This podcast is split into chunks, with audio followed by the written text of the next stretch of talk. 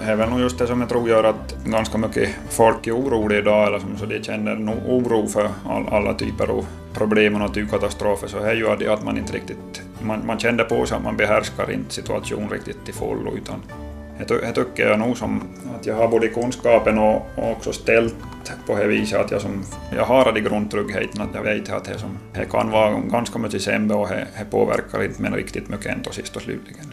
Det här säger Mattias Kankus som är biolog och naturföretagare i Esse. Och det är honom ni nu ska få höra i ett samtal om livet. Mitt namn är Ann-Sofie Sandström. Hej, Ann-Sofie. Goddag.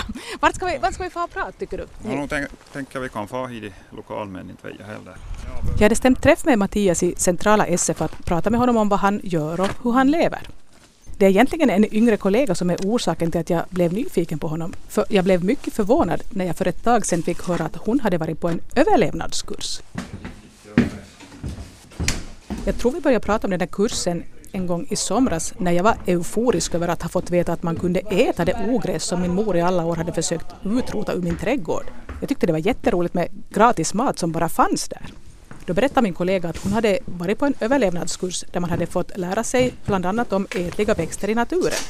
Och varför hade hon gått på en sån kurs? frågade jag. Då berättade hon att det var för att hon hade sett några ruskiga filmer som utspelar sig i en framtid då vår civilisation hade brakat ihop. Hon hade insett hur hjälplös hon själv skulle vara om hon skulle tvingas livnära sig och försöka överleva utan alla moderna bekvämligheter.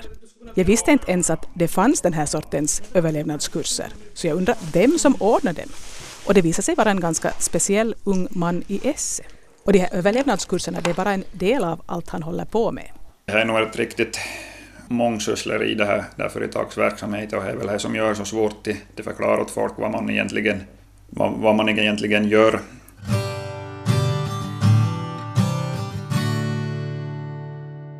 Ja, har vi prov, provat nu ta med hörsna igenom. Du har, liksom, du har dialekt som första språk, visst? Ja, jag pratar nog helst dialekt, men att nog det bra också på standardsvenska. Jag är Mattias Kankos, 33 år och biolog till utbildningen, naturföretagare i Esse Pedasöre. Jag är nog känd här i trakten som en, en naturälskare och en, en stor kärlek till hembygden är karaktäristiskt för mig. Du växte upp alltså här i, i Esse då? Ja, jag har nog riktigt växt upp i, i Esse och det här någon, efter några svåra år i, i Åbo så så flyttade jag hem så fort jag bara hade möjlighet. Så att jag nog bodde i princip hela, hela mitt liv i, i. Jag ber Mattias berätta hurdan han var när han var liten. No, jag var nog i princip säkert helt vanlig, det här skulle väl föräldrar måste svara på, men att det var nog egentligen först i tioårsåldern som det här naturintresset började växa. Att föräldrar var ju nog mycket ute och så det och vi var mycket vi ville och plocka svamp och bär och, men efter att jag började i, i grundskolan så så började jag vara med, med FAMMO på, både på, på förskola och efterskola genom att föräldrar arbetade och, och vi hade jättemycket intressant på gång med, med FAMMO och hon, var, hon tog mig alltid med ut i, i naturen. Så hon var liksom en sån människa som kände till naturen och hade levt nära naturen i hela sitt liv? Hon var nog en riktig, och det här gamla stammen som skulle tas, tas tillvara både, både fiska och plocka bär och svamp. Och där fiskintresset så vart ju för vårt gemensamma intresse så att hon var otroligt bra på det viset att hon, hon lärt upp oss och, och tog oss med på, speciellt med att med på, på alla typer av upptäcktsfärder i naturen och är nog via henne som, som det intresset vaknade. Du tog inte med någon kompis på det här äventyret eller du var bara du och Fammo?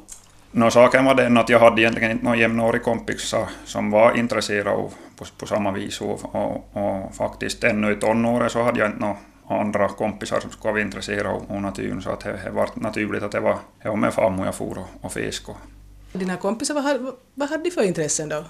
Nå, no, jag var förstås som, som är på landsbygden, det var mopeder och, och, bilar och motorer och traktorer och så det och, och nu, var jag, nu hade jag kompisar som, som jag var med således att men att det här naturintresset så var jag nog ganska ensam om i min åldersgrupp. Struntar du i mopeder och sånt som andra pojkar höll på med? Nej, jag var ju nog mycket med de andra kompisar just med mopeder och så det är helt vanligt på det viset men att ofta in i veckorna åtminstone på kvällar och så det så, så var jag ganska mycket med fammon och men att nog, nog hände jag med båda deras. Så du fick lära dig saker då som de flesta i din generation inte riktigt kan, som det här med bär och svampar och sådana saker som... Ja, jag fick nog som grunder till det, till, just det till ta tillvara naturen så, så var ju nog jätteviktigt för fam och är ju som dagens fiskare så de flesta just kallar ju sig sportfiskare och, och släpper tillbaka egentligen allt de får men, men det är ju som inte är intressant för mig utan jag har ju faktiskt tagit tillvara allting för, för eget husbehov så att säga. Att, att det är som bara inte det här till till fisk som är intressant utan också till, till ta tillvara den här fångsten. Och, och samma sak med bär och, bär och svamp. Så. På små orter brukar det ibland kunna vara ett ganska starkt grupptryck och de flesta vill inte så gärna avvika från mängden. Så jag frågade Mattias Kanko som han var extra stark på något vis när han höll fast vid sitt naturintresse trots att han var så ensam om det. Ja, jag har väl nog varit ganska stark och envis hela livet så att säga. Så att jag har nog egentligen aldrig upplevt några problem med grupptryck utan jag har nog stegit för min egen åsikt alltjämt. Och och det har gått min egen väg så att säga. Varifrån har du fått det då? Nå, det är, några, det är väl några släktdrag. Man brukar säga att vi är dumbenvis i släkt från, från farmors sida och det stämmer väl ganska bra att, det, att vi är lite envis och, och så lite till då ännu. Så, så man är dumbenvis, man är liksom envis men ännu liksom... Ett snäppare värre, ja. På vilka andra sätt kan det ta sig uttrycken att man vågar stå på sig och ha sitt eget intresse fast inte några i gruppen har det? Nå, jag skulle säga att det är det som ger nog en sån uthållighet och skulle man översätta direkt till finska så skulle väl kunna kalla det också som lite sisu att det är det här att, att kunna lite ge det extra ännu då, hade tröttnar. Eftersom Mattias Kankos hade ett så klart uttalat intresse för naturen visste han då redan i högstadiet vad han ville bli och vad han ville utbilda sig till. Inte var jag direkt säker på min sak. Det var jag inte. Det här naturintresset hade nog som fortsatt till väx, men att jag hade inte riktigt kunnat tänka i de banorna heller till fortsätta. Och ännu gymnasiet så var det nog ganska, ganska oklart vad jag skulle börja med, men att vi kom till att göra ett grupparbete under gymnasiet in då, som hade att göra med natur och miljö och, och det är någon så, så blir väl nog en, en slags startskott för att jag skulle faktiskt ta mig tid och få studera så att säga. Vad var det för sorts grupparbete? Det var egentligen en specialkurs i, inom biologi som vi fick göra ett grupparbete och, och vi kom till, tillsammans med en kompis och gjorde ett arbete om, om korttidsregleringen av SCO. Jag hade under det här tiden fortsatt med det fiskeintresse och träffat bland annat på Jens Ole Edman i Lappfors som, som kämpar för det SCO verkligen. Och via så, så blev jag intresserad av den här problematiken och, och, så kom vi till göra ett arbete som, som faktiskt fick andra pris i den här tecknaturtävlingen. Och vi var ganska långt uppmuntra som de fortsätter inom det här så att det, det var som en, en liten gnista nog för att de fortsätta inom den här branschen. Mattias nämnde gymnasiet, så jag frågade om han kom från en sån bakgrund där man väntade sig att han skulle studera vidare.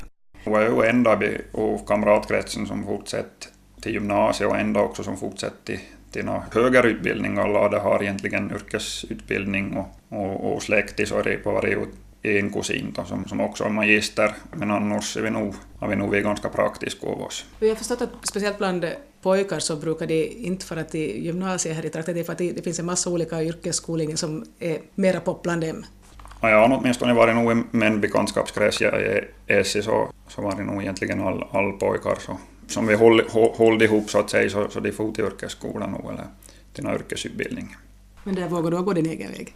Ja, ja, nog fick jag kommentarer emellanåt att, inte, att jag skulle borde utbilda mig till något annat, men att, att det här nog jag stod på med också. Att det, Varifrån kom kommentaren? Från det här från jämnåriga? Eller? Nej, det var nog egentligen mer som skoj just med jämnåriga, att, det, att man inte skulle... Man vart ju inte i gymnasiet, utan det var ju ett yrke man skulle ha. Och, men att från föräldrasidan så sporrade ju mig förstås till studera vidare, verkligen. Så att. Fammota, vad tyckte du om att du skulle fara? Hon var ju nog förstås intresserad av att jag skulle studera vidare. Och, som jag egentligen var stolt över mig att jag studera vidare. Så. Var det då sen efter gymnasiet helt klart för Mattias vad han skulle fortsätta att studera? No, inte var det så glasklart. Det var inte ännu då jag började studera att, att jag skulle börja med det här, men att jag är nog intresserad av flera saker och har ganska bra fallenhet också för att till lära mig verkligen så att jag inte har svårt i skolan någon gång utan jag vill inte kalla mig att jag skulle vara klok på något vis. Du skulle vilja skryta men du var nog ganska bra i skolan, visst?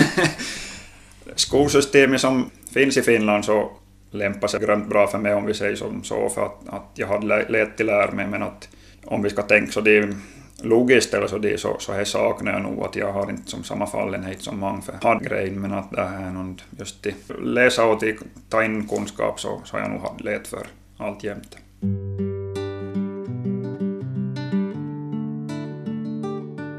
När Mattias Kanko skulle börja studera så for han till Åbo. Det var nog faktiskt enda alternativet och jag väntade ett år, jag var i militären i Milla och, och så for jag till Åbo. Men att det vart ju, det vart nog jobbiga tid verkligen till först därför. Vad var det som var jobbigt? Nå, mest jobbigt var ju nog att till flytta in till stan, att det, det var nog rent ut sagt hemskt. Att jag kunde inte förstå att, att folk kunde bo i de här skolorna och, och jag känner nog faktiskt som, som jag skulle ha blivit fängslad helt enkelt. Men jag, jag märkte ju ganska snabbt att biologi var verkligt mitt ämne. Och jag var jätteintresserad och vi så här sporrade till, till fortsätta med och, och jag läste ju verkligen mycket nog under studietiden. Att jag deltog inte någonting i studielivet eller någonting utan jag läste jag var där och, och så får jag hem till helga till, till. Inte, inte var jag som aktiv egentligen i någonting i det, det vanliga studielivet så att säga. Vad tyckte du var hemskast med att bo i en stad då? Nej, jag vet inte egentligen så det, i efterskott vad, vad som var hemskast, men jag, jag har varit som otroligt passiv och isolerad på något vis. Att jag skulle finnas det möjlighet till jobb också till att få ut i naturen och så det är något, men, men jag kom egentligen inte före heller.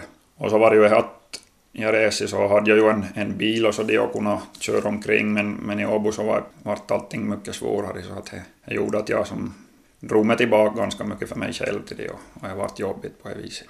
Du tänkte aldrig på att hoppa av då liksom? Jag tänkte nog på att hoppa av, ja det gjorde jag nog men att som egentligen räddade mig så att säga så det var ju att jag kunde dela lokal med, med en andra jämnårig kompis först en som, som var från, hem från Essie och sen, så efter två år så delade jag på nytt med en som var från Essie så att vi lite hade kontakt med varandra. Så för speciellt de första åren var nog riktigt, jag var nog riktigt, jag mådde inte bra helt enkelt och isolerade mig på det viset. Ja, du var van att vara i naturen hela tiden liksom, och mitt i allt är du i en helt annan miljö så nu kan man ju tänka sig att det blir aningen besvärligt. Ja, det vart nog, det vart nog besvärligt vart. Att... Men kommer det in visheten inte igen?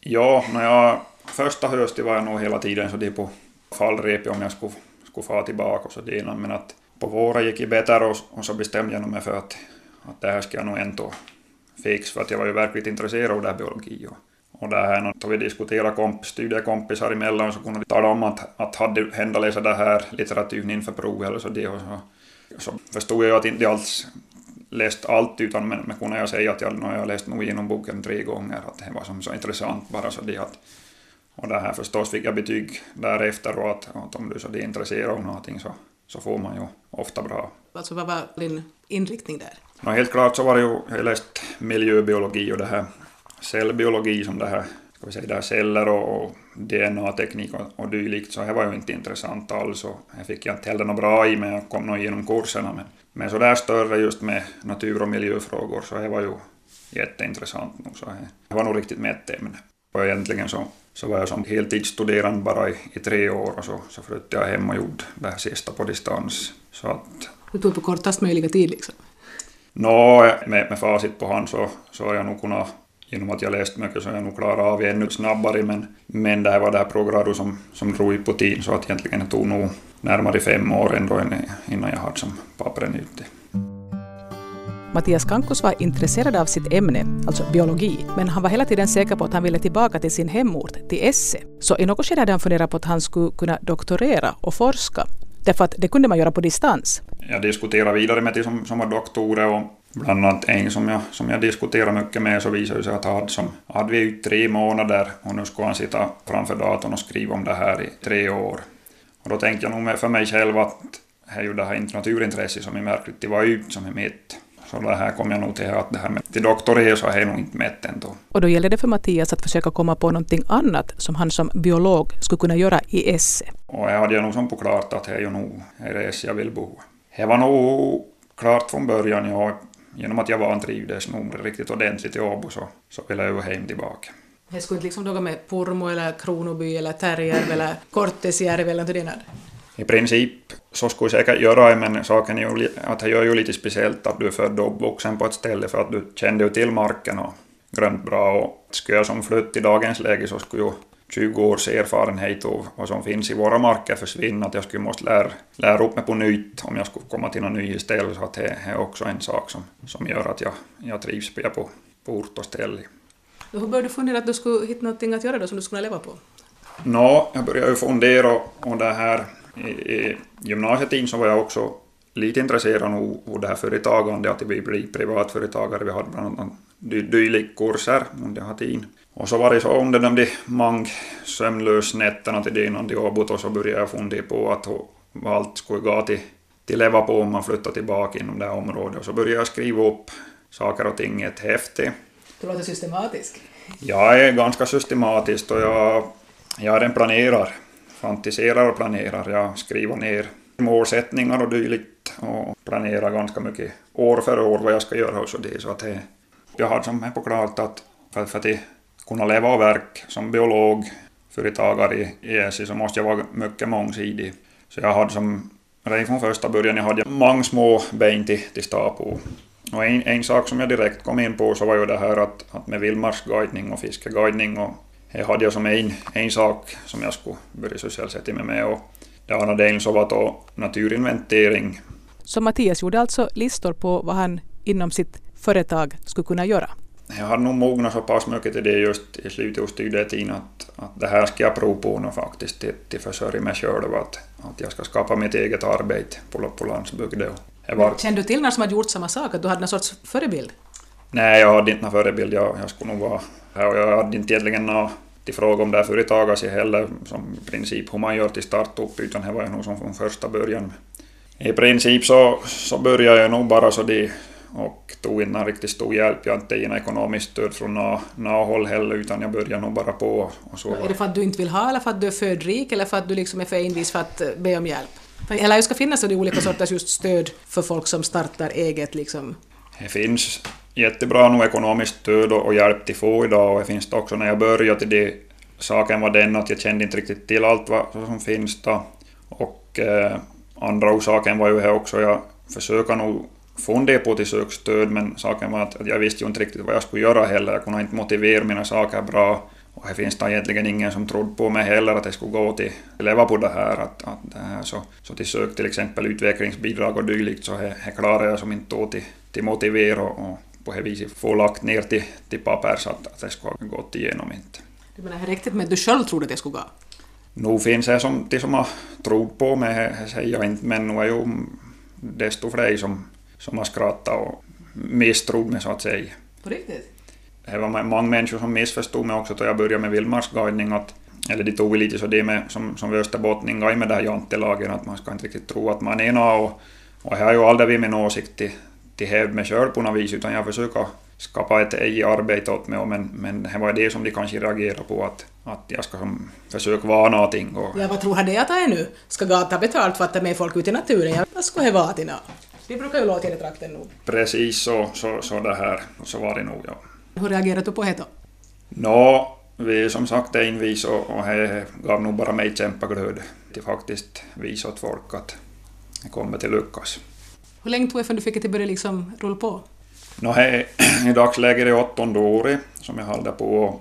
Men eh, första två, tre, fyra åren så levde jag väl nog under fattigdomsgränsen får man säga. att Jag, jag levde nog på verkligt små medel så att säga, men att dels visste jag ju att jag kan leva på väldigt små medel genom att jag kan i princip vara självförsörjande på, på mycket och det var ju faktiskt ingick i som i verksamhetsbilden för det här företaget med att, att vissa, till exempel där lingonplockning hade jag ju sysslat med före jag började i företag och jag visste att jag kan få ut nästan en och en halv månad lön om jag är jätteflitig så, så att jag vet att jag kunde som plocka ihop olika bitar och så visste jag att jag, att jag kan som få, få en förtjänst. Jag ber Mattias Kankus ge exempel på vad allt han gör. Ja, som sagt, det är nog ett riktigt mångsyssleri det här, det här företagsverksamheten och det är väl det som gör så svårt att förklara åt folk vad man egentligen, vad, vad man egentligen gör.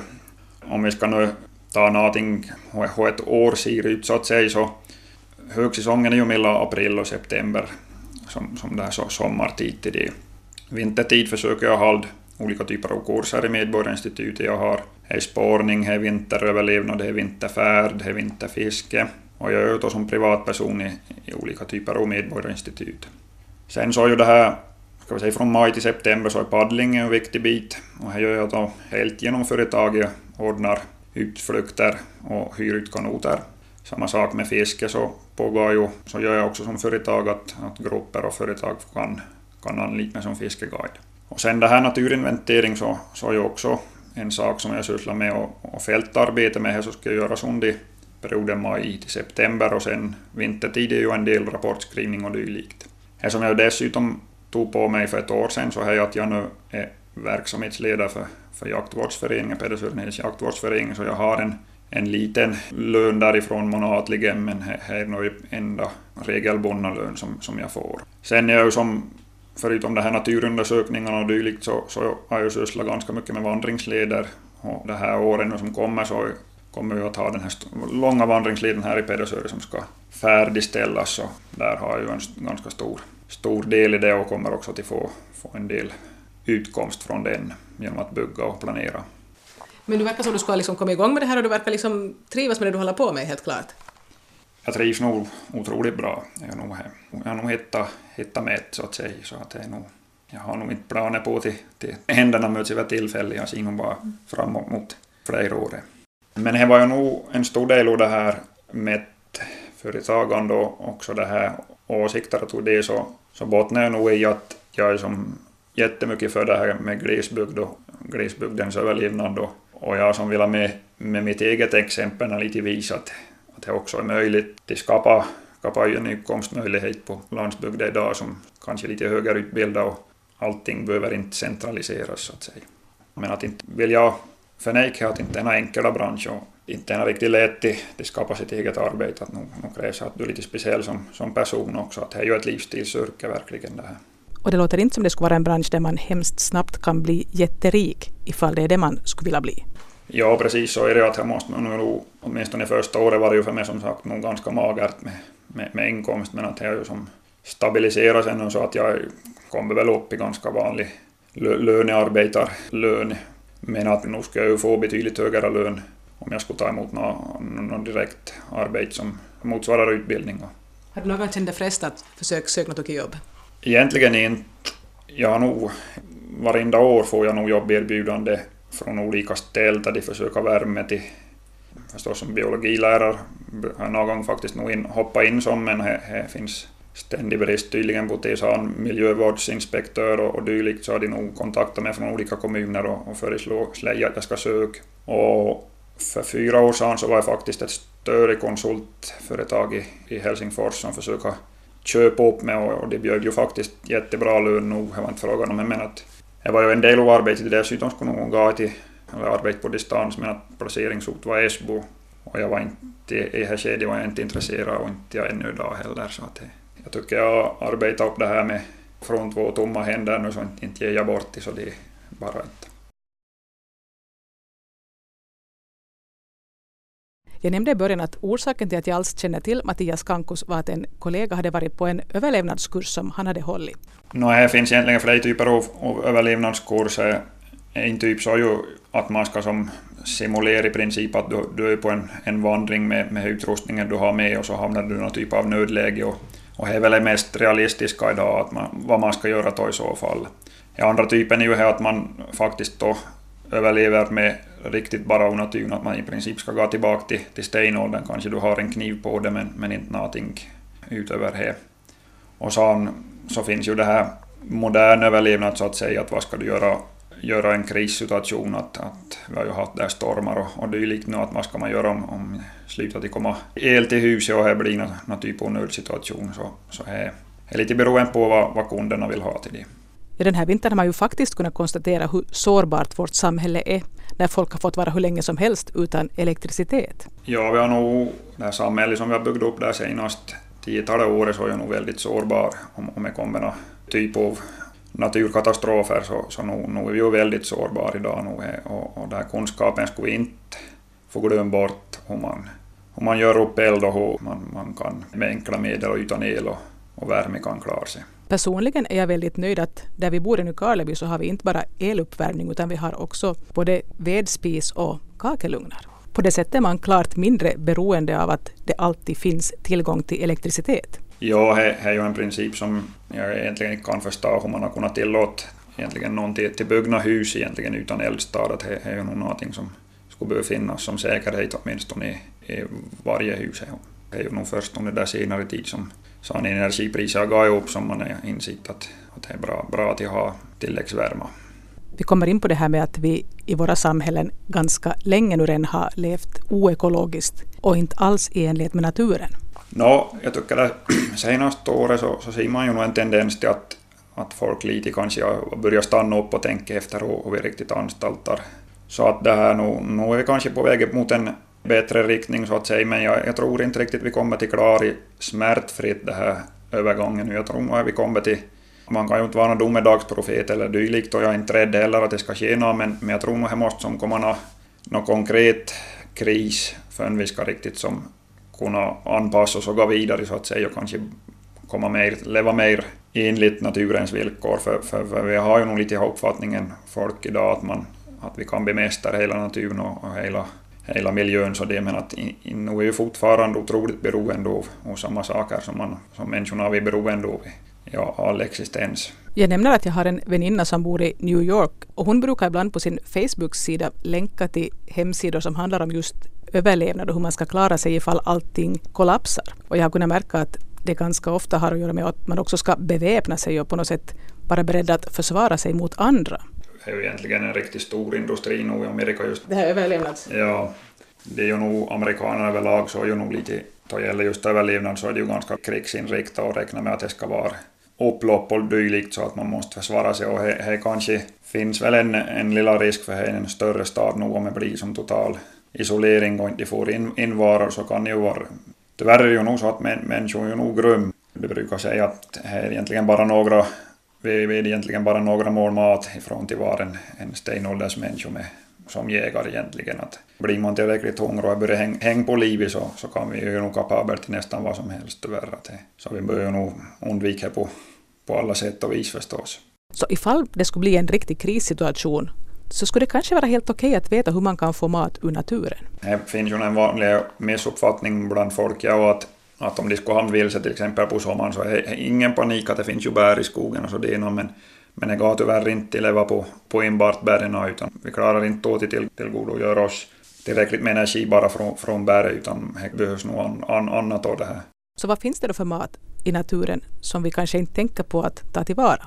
Som jag nog tycker åtminstone i vår trakt och, och Essi med omnejd där finns jättemycket sjöar och mycket fisk och så där har vi skulle vi nog ha goda möjligheter till, till ta tillvara betydligt mer än vad vi gör i för tillfället. Det är ju till och med så att det är en överproduktion i de flesta sjöar, att det, det finns arter som vi i dagsläget inte använder och, en storleksklass som vi kanske inte använder heller, men det skulle finnas, eller det finns så mycket mat som helst i det här sjöar vår. Men det är inte någon som vill eller is eller kan ta tillvara Nej, det är ju, det är ju nog så att det, är för mycket arbete att börja rensa och laga en, en lilla abborre eller en mört, utan det, det var ju vanligtvis att man tar ur där större fisk om man tar något alls. Vilka sorts fiskar fiskar du med fammo din då? Med fammo så var det ju, det var ju abborre som gällde nog helt, helt klart och hon var ju nog speciell på det viset att hon tog tillvara också det här riktigt små abborre som jag brukar säga att jag skulle egentligen behövt vara kirurg för att få, få rensa dem för de var så små men att det skulle tas tillvara och hon brukar laga fisksoppa på och det var ju jättebra. Då jag har nog fortsatt i samma spår så jag, jag samlar nog på mig ofta det här riktigt små abborre också. Så du är jättebra på att tillreda de här sakerna och liksom och laga någonting av dem? Nej, no, det ska jag väl inte skryta med. Det vill ju tyvärr vara att då jag levde i Smens största del av livet med så det var ju det enklaste versionen att du, du stekar och lagar dem. Men nu har jag nog faktiskt i, i år lovat mig själv till till försöker börja laga lite bättre middag och där, för vi har ju tillgång till jättebra råvaror. Vi har, jag har egentligen älgkött hur mycket jag behöver och fisk får jag hur mycket jag behöver och, och nu hade vi vitsvanshjort faktiskt där höst i fåt också så att det, he, det här finns nog det finns bra rå, råvaror till laga så det är nog bara upp, upp till mig själv.